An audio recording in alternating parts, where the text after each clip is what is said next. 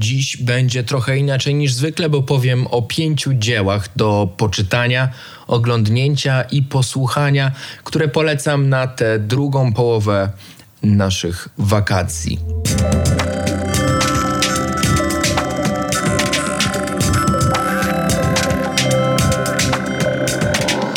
Witam w Septechu, podcaście Klubu Jagiellońskiego, w którym rozmawiamy o trendach rozwoju i polityce technologicznej z elementami sceptycyzmu. Ja się nazywam Bartosz Paszcza, naszym montażystą jest Konrad Trzebicki, a osobami, dzięki którym podcast powstaje, są nasi wspaniali darczyńcy. E, dziękuję Wam serdecznie. Oczywiście, jak zwykle, e, linki do zostania darczyńcą, ale też do wszystkich materiałów wspomnianych w tym odcinku znajdziecie w opisie odcinka. A teraz do sedna. Wielu z Was, drodzy słuchacze, już pewnie po jakimś urlopie. E, ja też udało mi się złapać tydzień odpoczynku. E, natomiast czeka nas druga połowa wakacji, zaczyna się sierpień. I w związku z tym, że chciałbym również ja złapać oddech i mimo tego, że nie planuję żadnych wyjazdów w sierpniu, to przynajmniej w weekendy móc skorzystać z, miejmy nadzieję, dobrej pogody to postanowiłem zrobić przerwę w nadawaniu, także w sierpniu nie spodziewajcie się nowych odcinków.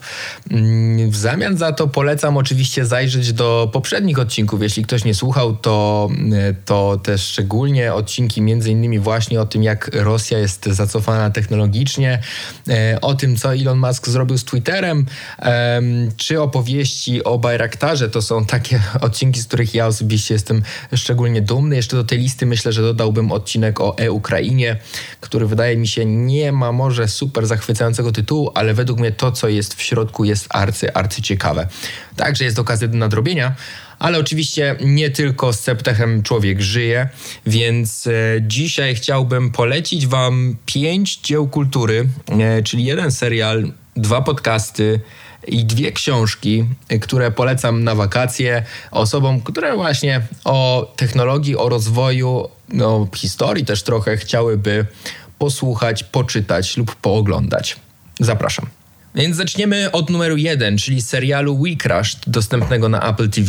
Serial opowiada historię firmy WeWork, o której pewnie część z Was, albo nawet wszyscy słyszeli. WeWork była to, czy jest nadal, ponieważ nadal jest obecna na giełdzie, to firma oferująca przestrzenie coworkingowe.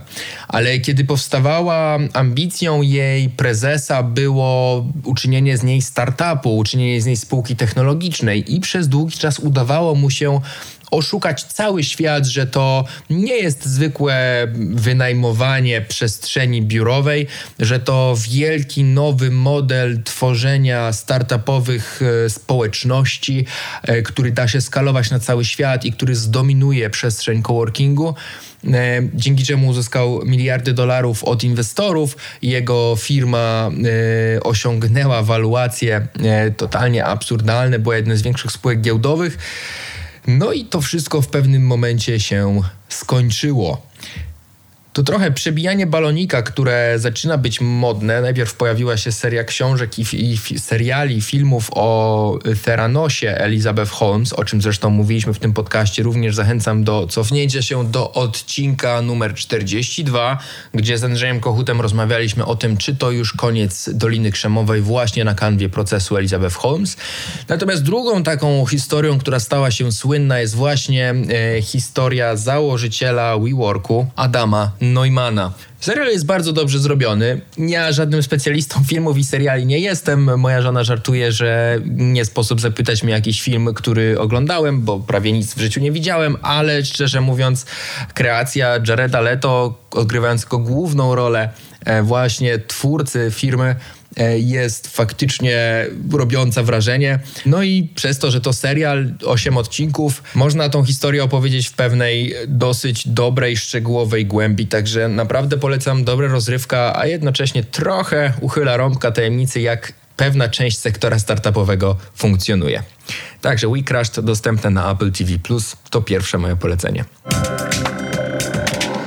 Skoro wakacje, to pewnie wielu z Was będzie w trasie, czy to w samochodzie, czy w pociągu, czy w samolocie, e, a tam też dobrze czegoś posłuchać. Czyli pierwszy podcast na naszej liście, podcast Land of the Giants, wydawany przez e, Vox. To podcast, na który składają się osobne sezony, z których każdy sezon jest poświęcony jednej wielkiej firmie. A wcześniejsze sezony dotyczyły na przykład firmy Google, firmy Amazon czy Netflix, a obecnie wydawany jest y, sezon dotyczący firmy Meta, czy wcześniej szerzej znanej jako Facebook. I te sezony, te opowieści są naprawdę świetnie skonstruowane. Sporo tam materiałów, oryginalnych rozmów z osobami będącymi blisko tych firm, będącymi wewnątrz tych firm. Sporo osób z pracownikami, byłymi pracownikami, krytykami ym, tych przedsiębiorstw. Tym ciekawsza tworzy się historia, że nie jest to obraz biało-czarny, to nie jest potępienie wielkich firm technologicznych w czambu, to nie jest też wychwalanie ich twórców pod niebiosa to po prostu świetnie skonstruowana opowieść o tym, jakie były kluczowe momenty w rozwoju tych firm, skąd się bierze mm, to spojrzenie gigantów na świat, to spojrzenie Doliny Krzemowej na świat. Bardzo serdecznie polecam, bo to jeden z podcastów, których e, naprawdę mm, uwielbiam słuchać i na których chciałbym się wzorować, e, więc myślę, że jak posłuchasz, drogi słuchaczu, chociaż jednego odcinka, to cię złapie i będziesz zmuszony posłuchać reszty. No i skoro już o podcastach mowa, to jest jeszcze American Innovations, prowadzony przez Clive'a Thompsona. Thompson jest jednym z mm, ciekawszych dziennikarzy popularno-naukowych, ale nie takich skupiających się na wyrywkowym przedstawianiu jakichś nowych, y, wielkich, przyszłościowych wynalazków, tylko na opowieści o, nazwijmy to, historii nauki i technologii. I w podcaście American Innovations on trochę podobnie do tego, co usłyszymy w Land of the Giants, tworzy serię trzech odcinków na dany temat. E, jednym z ciekawszych serii ostatnio, których słuchałem właśnie w American Innovations dotyczy technologii dronów, ale znajdą się tam też opowieści z gatunku biomedycyny, edycji genomu. E, znajdzie się też trzyodcinkowa historia mediów społecznościowych Także te, tematyka dużo bardziej różnorodna niż tylko cyfrowe platformy społecznościowe, ale historie również są bardzo dobrze storytellersko opowiedziane, przedstawiają, no, kto był pionierem, co się wydarzyło krok po kroku, jakie były ważniejsze punkty zwrotne, ale to wszystko w takim przyjemnym, przyjemnej formie. Słyszymy właśnie dużo rozmów, dużo cytatów e, z konkretnych osób, z konkretnych wydarzeń elementów tworzących y, opowieść o danym wynalazku.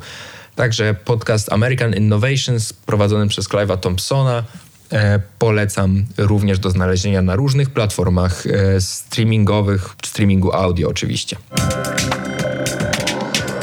Element czwarty, pierwsza z dwóch książek na naszej e, liście to książka już wprost historyczna.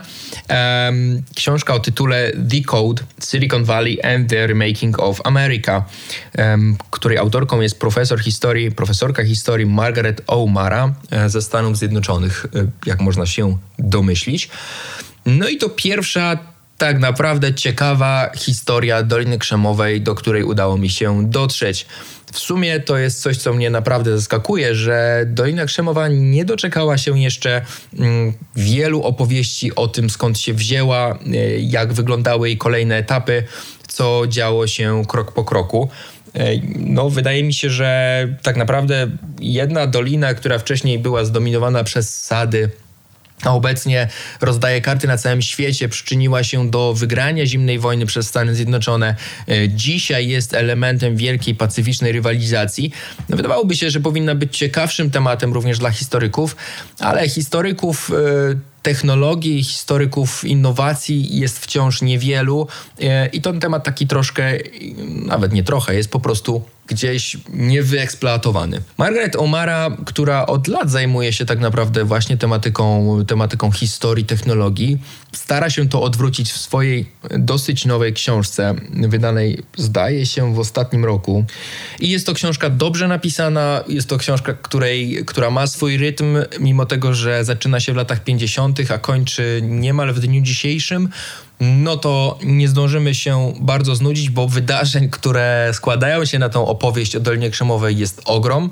E, co ciekawe, Margaret O'Mara, która też zajmuje się historią polityki Stanów Zjednoczonych, no nie ucieka od tych relacji Doliny Krzemowej z państwem, um, które dzisiaj nabierają na aktualności, ale w tej opowieści zauważymy, że one od zawsze były takie nieco hipokrytyczne, to znaczy wielcy miliarderzy Doliny Krzemowej najczęściej, czy bardzo często zdobywali swoje pieniądze, budowali swoje wielkie firmy w oparciu o kontrakty rządowe, ale jednocześnie byli najczęściej libertarianinami, którzy chcieli małego państwa i niskich podatków i bardzo aktywnie za tym lobbowali w kongresie. Ale poza historią tych relacji jest oczywiście dużo więcej ciekawych wspomnień, y, ciekawych perspektyw na to, jak Dolina się rozwijała, jak budowały się kolejne przedsiębiorstwa, kolejne generacje przedsiębiorców wchodziły na, e, na rynek. To nie tylko historia tych założycieli firm, to również historia całego ekosystemu, funduszy Venture Capital, y, osób piszących o technologiach, wynalazców terminu Dolina Krzemowa, który pojawił się dopiero w latach 70. Um, więc naprawdę warto zajrzeć, mimo tego, że jeśli ja miałbym uczynić jakiś zarzut tej książce, to że jednak trochę czuć, e, że jest pisana przez akademika, E, nieco za dużo czasami właśnie takich rozwleczonych akapitów, wątków, gdzieś nie do końca brzytwa Okhama zadziałała, żeby wyciąć rzeczy niepotrzebne, ale jeśli chodzi o przegląd historii Doliny Krzemowej, to zdecydowanie najlepsza książka, jaką do tej pory spotkałem. I wreszcie polecenie piąte z nieco innej beczki, ale jeśli ktoś słucha podcastu, to pewnie w ostatnich y, miesiącach zauważył, że tematy wojskowe, no też z, z tej perspektywy technologicznej, też e, są ciekawe i też są ważne, stety lub niestety, bo oczywiście niestety ze względu na aktualność wojny na Ukrainie i różnych napięć międzynarodowych, e, między innymi tych wokół Tajwanu w ostatnich dniach. How the War Was Won profesora Philipsa O'Brien. To profesor ze szkockiego uniwersytetu, który zajmuje się strategią. Ale książka, mimo tego, że dotyczy tematu no, kulturowo bardzo wyeksploatowanego II wojny światowej, to jest arcyciekawa. Po pierwsze dlatego, że jest naprawdę bardzo dobrze napisana. To znaczy czyta się ją e, dosyć płynnie, zawiera też właśnie sporo takich wątków ludzkich, nie tylko suche słowa, statystyki i e, historie wielkich wydarzeń. I to mimo tego, że skupia się na tej mało interesującej na pierwszy rzut oka perspektywie wojny, czyli logistyce i przemyśle.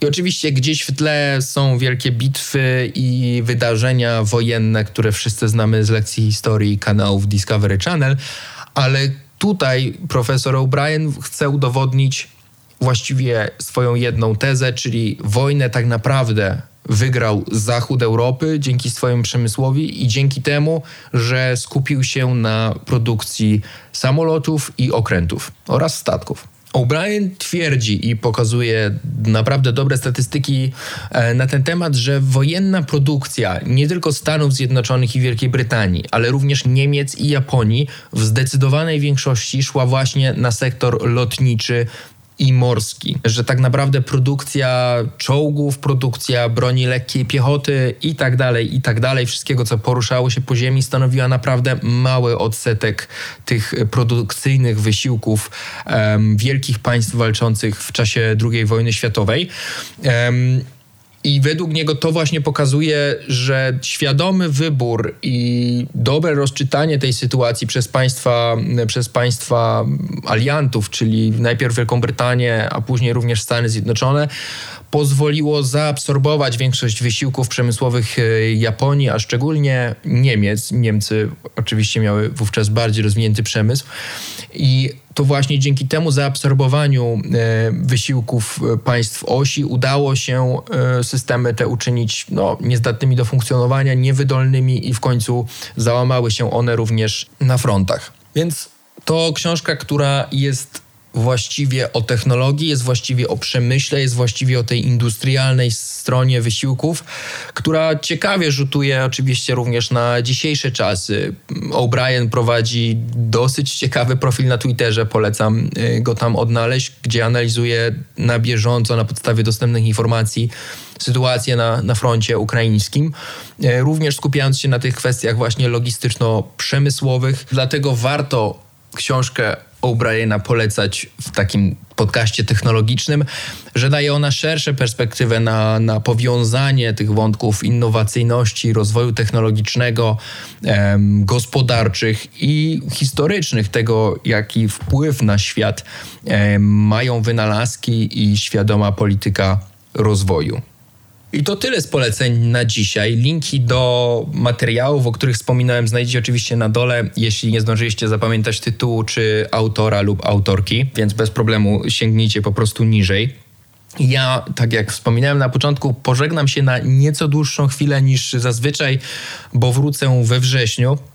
E, I we wrześniu chciałbym wrócić również z jakimś nowym, rodzącym się pomysłem na podcast, na opowiadanie tych historii właśnie w szerszym wydaniu niż tylko skupiając się na wątkach cyfrowych, w szerszym wydaniu również czasowym, czyli nie tylko wydarzenia bieżące, ale również sięganie do tego, skąd one się wzięły.